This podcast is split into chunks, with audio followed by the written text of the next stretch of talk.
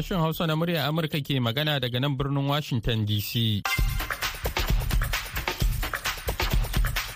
Masu sauraro Assalamu alaikum barkanku da wannan lokaci. Muhammad Hafiz Baballa ne tare da Maryam Dauda. Sauran abokan aiki muka sake dawa a shirinmu na hantsi. A yau ranar Talata 14 ga watan Maris na shekarar 2023. Bayan labaran duniya kashi na farko, a ci gaba da kawo muku rahotanni na musamman kan halin rayuwa a jihohin Najeriya inda ake shirin gudanar da zaɓe. A yau za mu duba tarihin siyasa da tattalin arziki a jihar Ogun da ke kudu maso yammacin Najeriya. Kamar kowace ranar Talata za a ji shirin 'yan ƙasa da hukuma na Mahmud Ibrahim Kwari sai kuma sharhin jaridun Nijar. Amma kafin nan ga Maryam Dauda da halin da duniya ke ciki. Jama'a Assalamu alaikum ga cikakkun labaran. Rasha ta faɗi cewa a shirye take ta ba da damar tsawaita yarjejeniyar fitar da hatsi daga Ukraine da kwanaki 60. Yarjejeniyar da ta taimaka wajen rage hauhawar farashin kayan abinci a duniya. Tawagar wakilan Rasha a tattaunawar da aka yi da manyan jami'an Majalisar Ɗinkin Duniya. Ta bayyana ganawar da aka yi a jiya Litinin a matsayin cikakkiya kuma mai kyau. Amma ta ce Rasha na son ganin ci gaba mai ma'ana. Akan wata yarjejeniya makamanciyarta game da batun fitar da kayayyaki daga rasha kafin wa'adin yarjejeniyar fitar da hatsin ta ukraine ta sake karewa. Shirin fitar da hatsin da ake kira jigilar hatsi a bahar aswad ya ba ukraine da ke zaman ɗaya daga cikin ƙasashen duniya da ke kan gaba wajen noman hatsi. Damar jigilar abinci da taki daga tashar jiragen ruwan ukraine guda uku. Majalisar Ɗinkin Duniya da Turkiyya ne suka shiga tsakani wajen cimma yarjejeniyar a watan Yulin da ya gabata don taimakawa wajen shawo kan matsalar ƙarancin abinci a duniya. Kuma aka tsawaita wa'adin yarjejeniyar da kwanaki 120 a watan Nuwamban bara. A ranar Asabar ne dai ake sa ran wa'adin yarjejeniyar zai ƙare. A jiya Litinin Majalisar Dokokin Isra'ila ta gabatar da wani ƙudurin doka wanda zai yi wuya a tsige Prime Minister Benjamin Netanyahu a kan zarge-zargen cin hanci da rashawa da ake zarginsa da su yayin da take shirin yin gagarumin garan bawul a tsarin shari'ar ƙasar tana mai yin watsi da zanga-zangar da jama'ar ƙasar ke yi. 'Yan majalisar ƙasar sun nuna amincewarsu a matakin farko a wata kuri'a da suka kada a daren jiya Litinin. Akan kudirin wanda zai baiwa majalisar damar ayyana prime minister a matsayin wanda bai cancanci yin mulki ba bisa dalilan rashin lafiya ko lalurar hankali kadai ana ganin majalisar za ta kada kuri'a akan wani matakin da zai ba ta damar yin watsi da hukunce-hukuncen kotun koli da kuma zartar da dokokin da aka yi watsi da su dukan kudurorin biyu dai na buƙatar a jefa musu kuri'a kafin su zama doka. Waɗannan dai su ne jerin matakai na baya-baya na gwamnatin haɗin gwiwar Netanyahu na neman yin garan bawal ga tsarin shari'a Isra'ila. Prime Minister da 'yan majalisa magoya bayansa sun ce an ɗauki matakan ne da nufin rage ikon kotun 'yan fafutuka. Masu sukan lamiri dai sun ce yunkurin zai kawo ƙarshen tsarin dimokuraɗiyyar ƙasar da ke tabbatar da iko bai taru a wuri ɗaya ba. Amma ya ƙarawa Netanyahu da 'yan majalisarsa da ke da rinjaye a majalisar ƙarfin iko. Yawan aukuwar laifuffukan nuna ƙiyayya a Amurka ya ƙaru matuƙa a shekarar 2021 inda ya kafa tarihi a wasu lamara kusan dubu goma sha ɗaya da suka auku a cewar hukumar binciken manyan laifuka ta FBI a wani ƙarin bayani na rahoton hukumar kan laifuffukan ƙiyayya na shekara-shekara. An samu rahoton laifuffukan ƙiyayya guda dubu goma da ɗari takwas da arba'in a shekarar 2021 a cewar sabon rahoton inda aka samu ƙari na kashi 31 cikin 100 daga 8,263 da aka ba da rahoto a shekarar da ta gabata. A baya hukumar FBI ta sanar da samun rahoton laifuffukan nuna ƙiyayya har sau 7,262 a shekarar 2021 amma bisa ga wasu bayanai da ba cikakku ba. karuwar laifuffukan nuna kiyayya a shekarar 2021 shine mafi girma a cikin fiye da shekaru 30 da aka gani. A cewar brian levin daraktan cibiyar nazarin lamuran nuna kiyayya da tsatsauran ra'ayi a jami'ar jihar california da ke san bernardino. Wannan na nuna wani zamani mai tada hankali da muke ciki inda aka kafa abubuwan tarihi a cikin shekaru da yawa. Da kuma karuwar yawan laifuffukan nuna kiyayya na tarihi da aka gani a shekarar 2021 a cewar Levin a wata hira da muryar Amurka. To kuna sauraron labaran ne daga nan sashen Hausa na muryar Amurka a birnin Washington DC.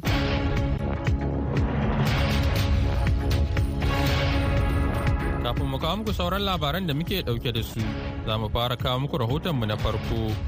A ci gaba da kawo muku rahotonmu na musamman kan halin rayuwa a jihohin Najeriya inda ake shirin gudanar da zaɓe.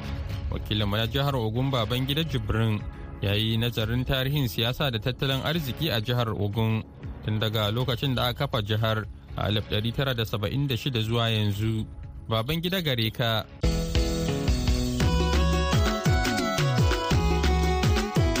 talaka ka bar kuka kuri'ar ka ka riƙe makamanka ita za ta cece ka.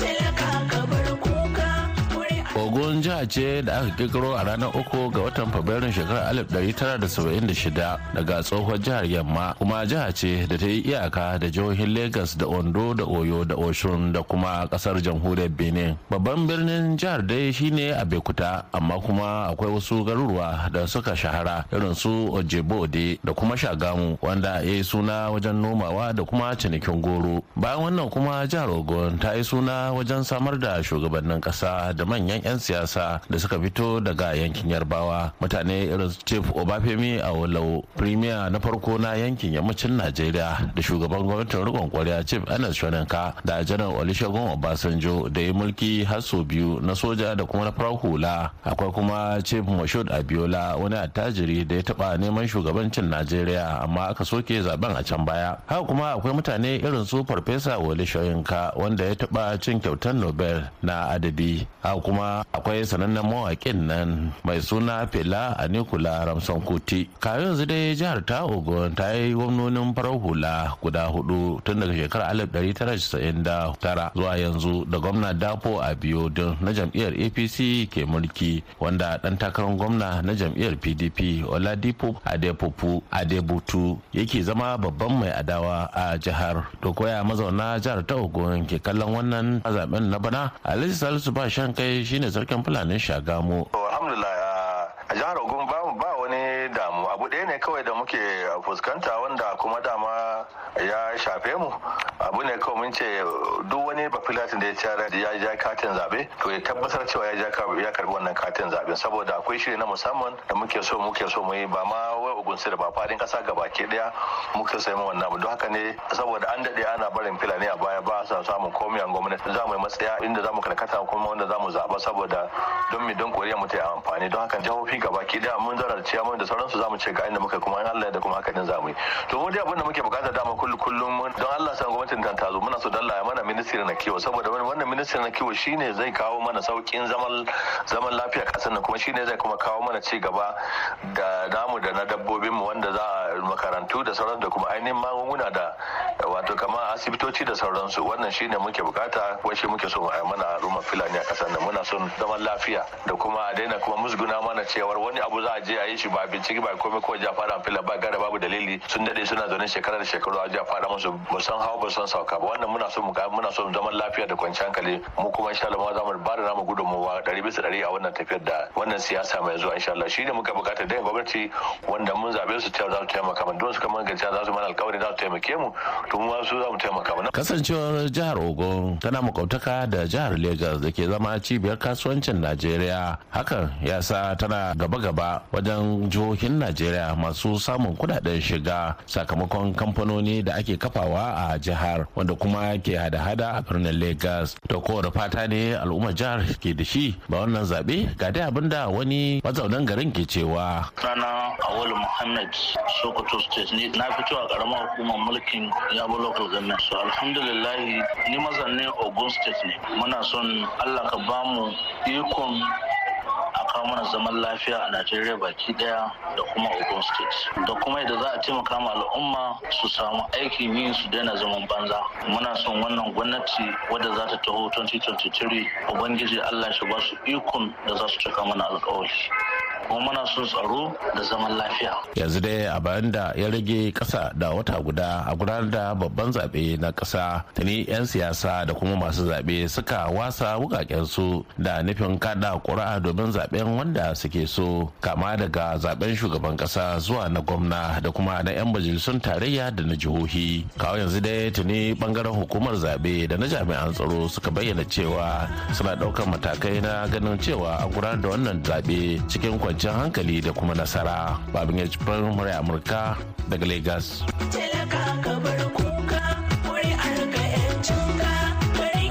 Baban gida har yanzu dai kuna tare ne da sashen hausa na muryar amurka daga nan birnin washington dc yanzu da ya ga maryam ɗauke da kashi na biyu na labaran duniya. A jiya Litinin Iran ta sanar cewa jagoran addinin ƙasar ya yi afuwa ga mutane sama da dubu ashirin da biyu da aka kama a zanga-zangar kin jinin gwamnatin da ta mamaye jamhuriyar ta musulunci. Nan take dai babu wata kafa mai zaman kanta da ta ba da tabbacin sakin mutanen da yawa.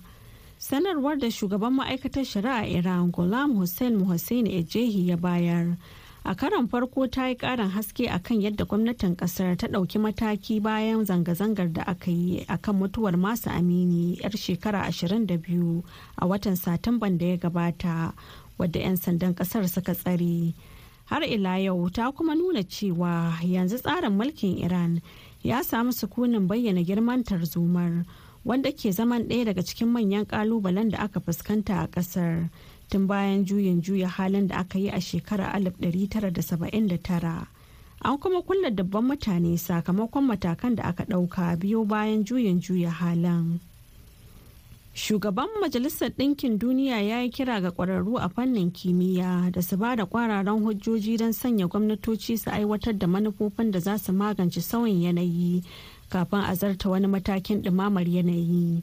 Kalaman nasa na zuwa ne a daidai lokacin da masana da jami'ai daga sassa daban-daban na duniya suka haɗu a birnin interlaken na ƙasar switzerland tsawon mako guda domin kammala rahoton ƙarshe cikin wasu guda bakwai da kwamitin manyan masana kimiyya na majalisar suka fitar tun bayan da aka kula yarjejeniyar sauyin yanayi ta paris a shekarar 2015 a cikin wani bayani na bidiyo ga wakilan sakataren janar ɗan majalisar ɗinkin duniya antonio guterres ya ce sabon rahoton da kwamitin gwamnatocin ƙasashen duniya kan sauyin yanayi ya fitar ya zo a muhimmin lokacin da ya dace.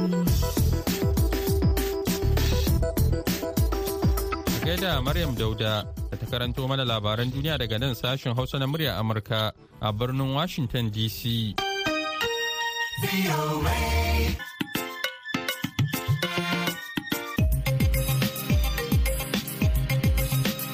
Madalla, kafin mu kai ga shirinmu na gaba, mu shakata da wannan faifai.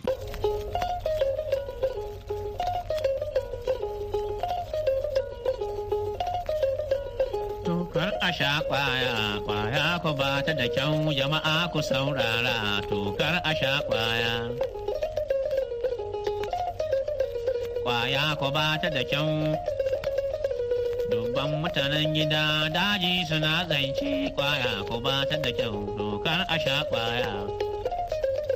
Dokar a sha ƙwaya kakanka ba ya sha babanka ba ya Madalla, sha har yanzu kuna tare ne da sashen Hausa na murya Amurka daga nan birnin Washington DC.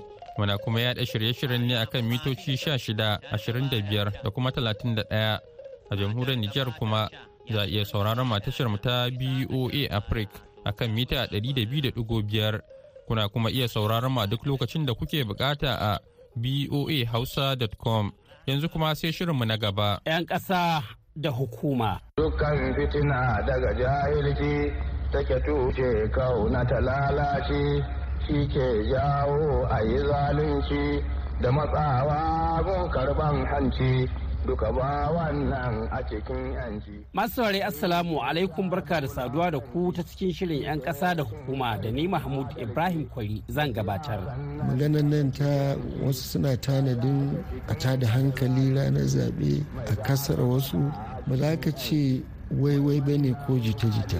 Tunda har magana ta fito daga jami'an tsaro. Duk mutum mai hankali idan ya ji an ce za a shigo da mutane waɗanda za zo su taro da mutane hankali to dole hankalinsa ya tashi. Mun kama kodin ya kai kwalabe dubu goma sha takwas. Yau shirin na jihar Kano a arewa maso yammacin Najeriya kuma matakan da hukumomin tsaro da sauran masu ruwa da tsaki ke ɗauka kan tanadin tada tarzoma a jihar yayin zaɓen gwamna da aka ce wasu miyagun 'yan siyasa na yi shine lamarin da za mu yi tsokaci a kai a dakace mu. Sai an manta da su zalunci an zauna an kashe jahilci an tumɓuke tushen lalaci roko da bara da tumasanci na rashin aiki da yawan barci to sai kaga an more yanci. Madalla.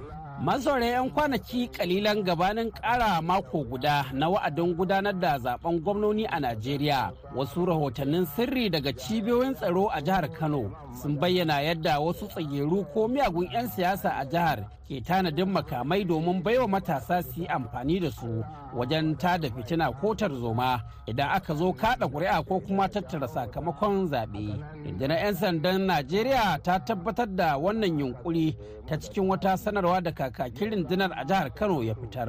Wani lamari da ya tada hankulan jama'a matuƙa har ma ya fara dakushe karsashin masu zaɓe su fita su jefa ƙuri'a a ranar zaɓen na gwamna wadda a yanzu za a gudanar da shi ne wannan asabar mai zuwa wato goma sha takwas ga wannan wata na maris. A gaskiya kusan duk wanda yake kano da ma wajen kano yana cikin damuwa ƙwarai da gaske.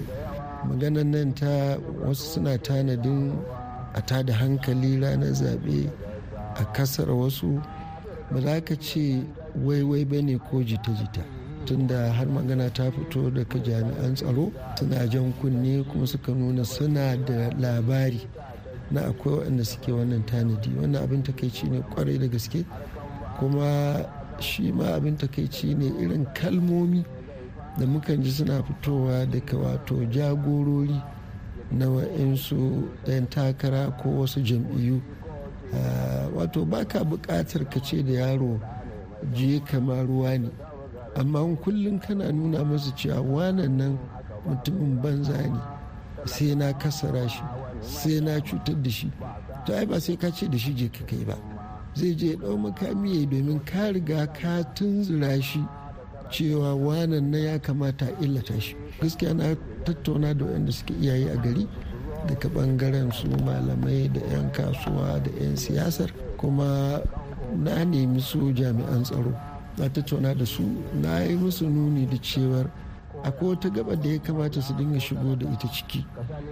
Abinda aka saba yi a duk ƙasa sai a kira 'yan takara a kira jagororin kamfen ɗinsu a kira shugabannin jam'iyya. Amma kusan kashi 95 na waɗanda suke takara kowace iri ce suna da masu faɗa aji suna da iyayen gida. Ya kamata a dinga kira jagororin nan su zama shaida inda ake sa hannu da gargaɗi domin mutane su shaida cewa a gaban su aka yi. Sanata ibrahim shekarau kenan tsohon gwamnan jihar kano. Kimata kwaransa wato sanata masa'udu el jibril doguwa ya yi tsokaci game da waɗancan bayanai da ya ce sun da hankalinsa matuƙa. Duk mutum mai hankali idan ya ji an ce za a shigo da mutane waɗanda zo su taro da mutane hankali to dole hankalinsa ya tashi. Saboda haka babban abin da ni nake ganin ya kamata mu shine idan ka koma garuruwanmu dole ne mu koma kamar da ake a baya ta inda masu unguwanni suke da haƙƙi a unguwarsu daga te suke da haƙƙi a yankunansu hakimai suke da haƙƙi a gurarensu. Dole ne duk abin da ya shigo waɗannan wuraren su sani. Sannan kuma mu a matsayin mu na talakawansu ya kamata mu dinga an karar da su abubuwan da suke zuwa suke dawowa. Musamman suwaye suke shigowa baki wanda gida suke zuwa me suke yi. Haka kuma abu na biyu ina so in daɗa tabbatar maka cewar mu a matsayin mu na iyaye waɗanda muka haifi ƴaƴanmu suka girma muka san da cewa za a iya amfani da su ta wani ɓangaren to ya kamata mu dinga jawo hankalinsu. Dole ne mu miƙe tsaye mu taimaka waɗannan jami'an tsaron domin ƙasar nan da jihar nan tamu ta zauna lafiya. Wani zai ce me zai hana irin ku da wataƙila ake ganin ku da kima a cikin 'yan siyasa din ku ja hankali ga 'yan uwanku ba su irin wannan yunkuri domin wataƙila ba za ku kasa mutum ɗaya ko biyu ba.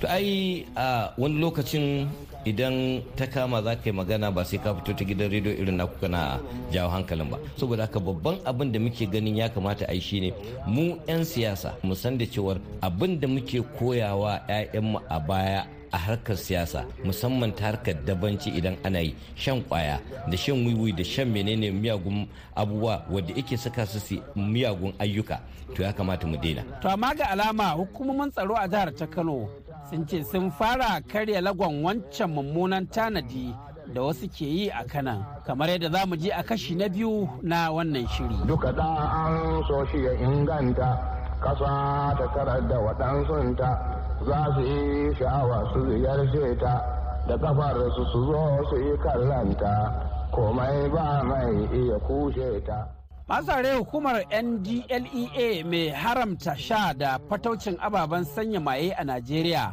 haɗin gwiwa da sauran hukumomin tsaro sun himmatu wajen karya lagon masu tanadin tada fitina a kano a yayin zaɓe na gwamna da ke tafe. Kamar yadda kwamandan hukumar mai kula da jihar kano abubakar idris ahmad ke faɗi. wuraren da muka ga cewa ana ta'ammali da waɗannan miyagun ƙwayoyi watan kamar daba-daba wanda matasa suke taruwa ake kiransa joint. Mun fita ba dare ba rana mun yi shara a wannan wajen. Mai zamana dukkan mutanen da suke taruwa wannan wajen wanda muka iya kama su mu kama wanda kuma ba su shiga hannun bai zamana wajen an tarwatsa shi. Saboda a rage samun waɗannan ababa da a cikin al'umma. Na farko kenan sannan na biyu kuma a iya cewa misali yanzu kun yi wannan shara din a Kano bayan bullar alhamdulillah alhamdulillah alhamdulillah. Mun yi sosai kuma muna kan yi. Akwai wanda muka yi mu kadai a hukumance hukumar mu. Sannan akwai wanda muka yi na haɗin gwiwa da sauran jami'an tsaro. An kama ne ko kuma tarwatsawa aka yi? Mun kama. Ai dukkan wannan shirin da muke yi can ba tarwatsawa ko muke yi ba saboda mukan tura jami'an mu ya riga ya zama na already mun riga mun gane waye yake kawo wannan abu so kai tsaye da ai ƙoƙarin a kama mai kawo waɗannan miyagun ƙwayoyi wajen sannan kuma sauran yan shaye-shayen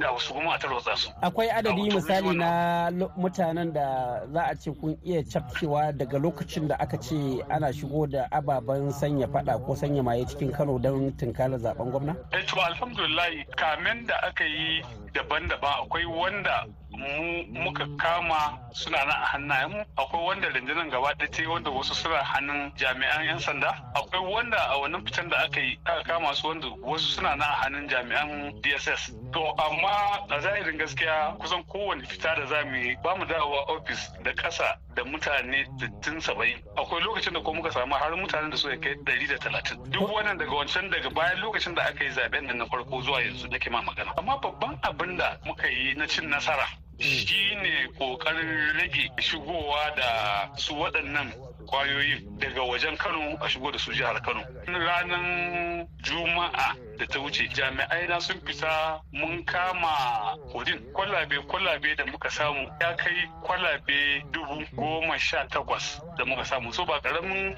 rage abubuwa muke ba saboda waɗannan kwalaben da aka kawo su a daidai wannan lokaci ai na kayan maye ne wanda za a saida ma yara ko kuma a saida ma iyayen gidansu su je su raba musu su sha saboda su zo su tada hankali a wannan lokaci. Kuma ba mun tsaya ba kenan. Waɗancan kwalabai na kodin za a iya alakanta su da wancan nau'i na abubuwan da ake shigowa don wancan tanadin zaɓe kenan. Kwarai da gaske. Yana da alaka da shi. Saboda abu ne wanda an kawo shi an shiga da shi an je an kai shi. Rumbun adanawa kuma Allah ya taimake mu kafin ma a ce za a fit da shi cikin motar. Amma mu suka yi rub da kayan aka kawo su da motar da kuma mun yi nasarar cafke shi ainihin wanda ya so kayayyakin na a kawo mishi Kano ya raba. Ko mutum ne wanda shi a zaune ki cikin Kano. In Allah ya da kuma mu jami'an tsaro muna nan da mu taimaka wajen tabbatar da cewa wannan zaɓe da za a yi shi cikin lami lafiya insha Allah.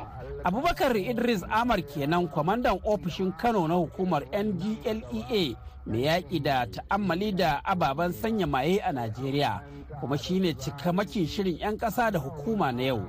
sai makon gobe idan Allah ya kai mu yanzu a madadin daukacin abokan aiki mahmud ibrahim kwari daga sashen hausa na muryar amurka ke cewa a huta lafiya wassalamu alaikum harkan ba ya zan kurra daga lotan nan ne zai fara a gaida mahmud ibrahim kwari yanzu kuma lokaci ne da sulamu mini barma zai kawo mana sharhin jaridun nijar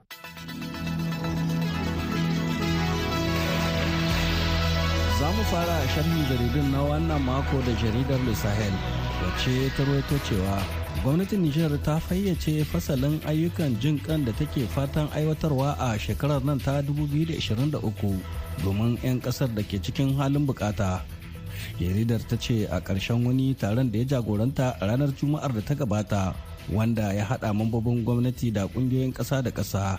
Prime minister uhumudu muhammadu ya sanar cewa miliyar ko kuma biliyan 264 na sefa ne ake buƙata don shafe hawayen mutanen da ke cikin halin buƙatar agajin gaugawa. Sanadiyar ƙarancin abinci da rashin wadatar abinci mai gina jiki da ake fuskanta a wasu daga cikin yankunan da aka yi fama da gardamar damana.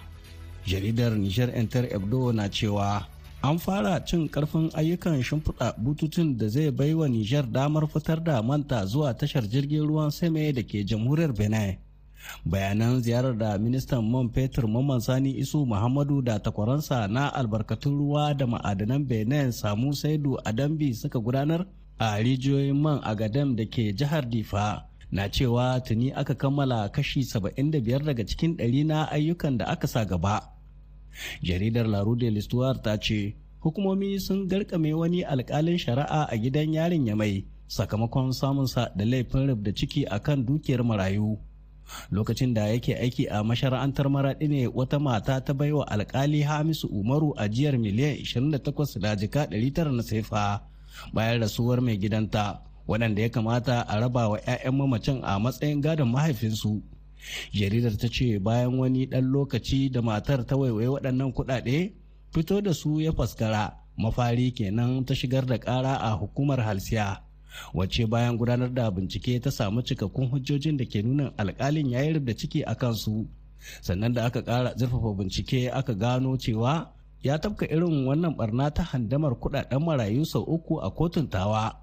Kamar yadda a yanzu haka makamanciyar wannan harkalla ke ƙoƙarin ritsawa da wani alkalin shari'a a gades jaridar air info na cewa ƙasar czech ta bayyana shirin girke dakarunta a niger domin horar da dakarun ƙasar ko da yake kawo yanzu ba a saka ranar zuwan waɗannan sojoji na force special ba. Jariyar ta ce sanarwar ma'aikatar tsaron czechoslovakia ta ce waɗannan dakaru su kimanin 20 idan suka zo niger za su yi aiki a keɓance. Ko kuma za ta yi su haɗa gwiwa da askarawan ƙasashen turai da na nato masu sansani a wannan ƙasa. Ƙasar czech na daga cikin ƙasashen da suka kafa rundunar takoba a shekarar 2020 kafin daga bisani su fice daga yankin sahel lokacin da aka fuskanci tsamin dangantaka da ƙasar mali. Sule mummuni barma muryar amurka daga yamai a jamhuriyar niger a gaida sule. Da wannan kuma muka zo ga shirinmu na ƙarshe wato labarai amma a taƙaice. Rasha ta faɗi cewa a shirye take ta ba da damar tsawaita yarjejeniyar fitar da hatsi daga ukraine da kwanaki 60 yarjejeniyar da ta taimaka wajen rage hauhawar farashin kayan abinci a duniya. Tawagar wakilan rasha a tattaunawar da aka yi da manyan jami'an majalisar ɗinkin duniya ta bayyana ganawar da aka yi a jiya litinin a matsayin cikakkiya kuma mai kyau. Amma ta ce rasha na son ganin ci gaba mai ma'ana akan wata yarjejeniya makamanciyar ta game da batun fitar da kayayyaki daga rasha kafin wa'adin yarjejeniyar fitar da hatsi ta ukraine ta sake karewa. a jiya litinin majalisar dokokin isra'ila ta gabatar da wani kudurin doka wanda zai yi wuya a tsige firayim minista benjamin netanyahu akan zarge-zargen cin hanci da rashawa da ake zarginsa da su yayin da take shirin yin gagaraman garan bawal a tsarin shari'a ƙasar tana kuma mai yin watsi da zanga-zangar da jama'a ke yi. 'yan majalisar ƙasar sun nuna amincewarsu a matakin farko a wata kuri'a da suka kada a daren jiya litinin akan kudirin wanda zai bai wa 'yan majalisar damar ayyana firayim minista a matsayin wanda bai cancanci yin mulki ba bisa dalilan rashin lafiya ko lalurar hankali kadai yawan aukuwar laifuffukan nuna kiyayya a amurka ya karu matuka a shekarar 2021 inda suka kafa tarihi a wasu lamara kusan 11,000 da suka auku. A cewar hukumar binciken manyan laifuffuka ta fbi a wani karin bayani na rahoton hukumar kan laifuffukan kiyayya na shekara-shekara.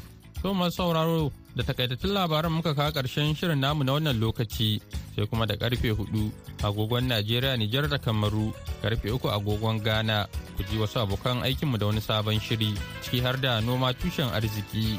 Yanzu a madadin dukkan waɗanda suka ba da gudunmawa ga nasarar wannan shirin musamman maryam dauda da ta karanto labarai sai kuma Salaman Abo da daidaita mana sauti da ba da umarni da ma injiniyan mu na yanzu. Muhammad Hafiz Baballe da sallama da ku daga nan sashen Hausa na muryar Amurka a birnin Washington DC.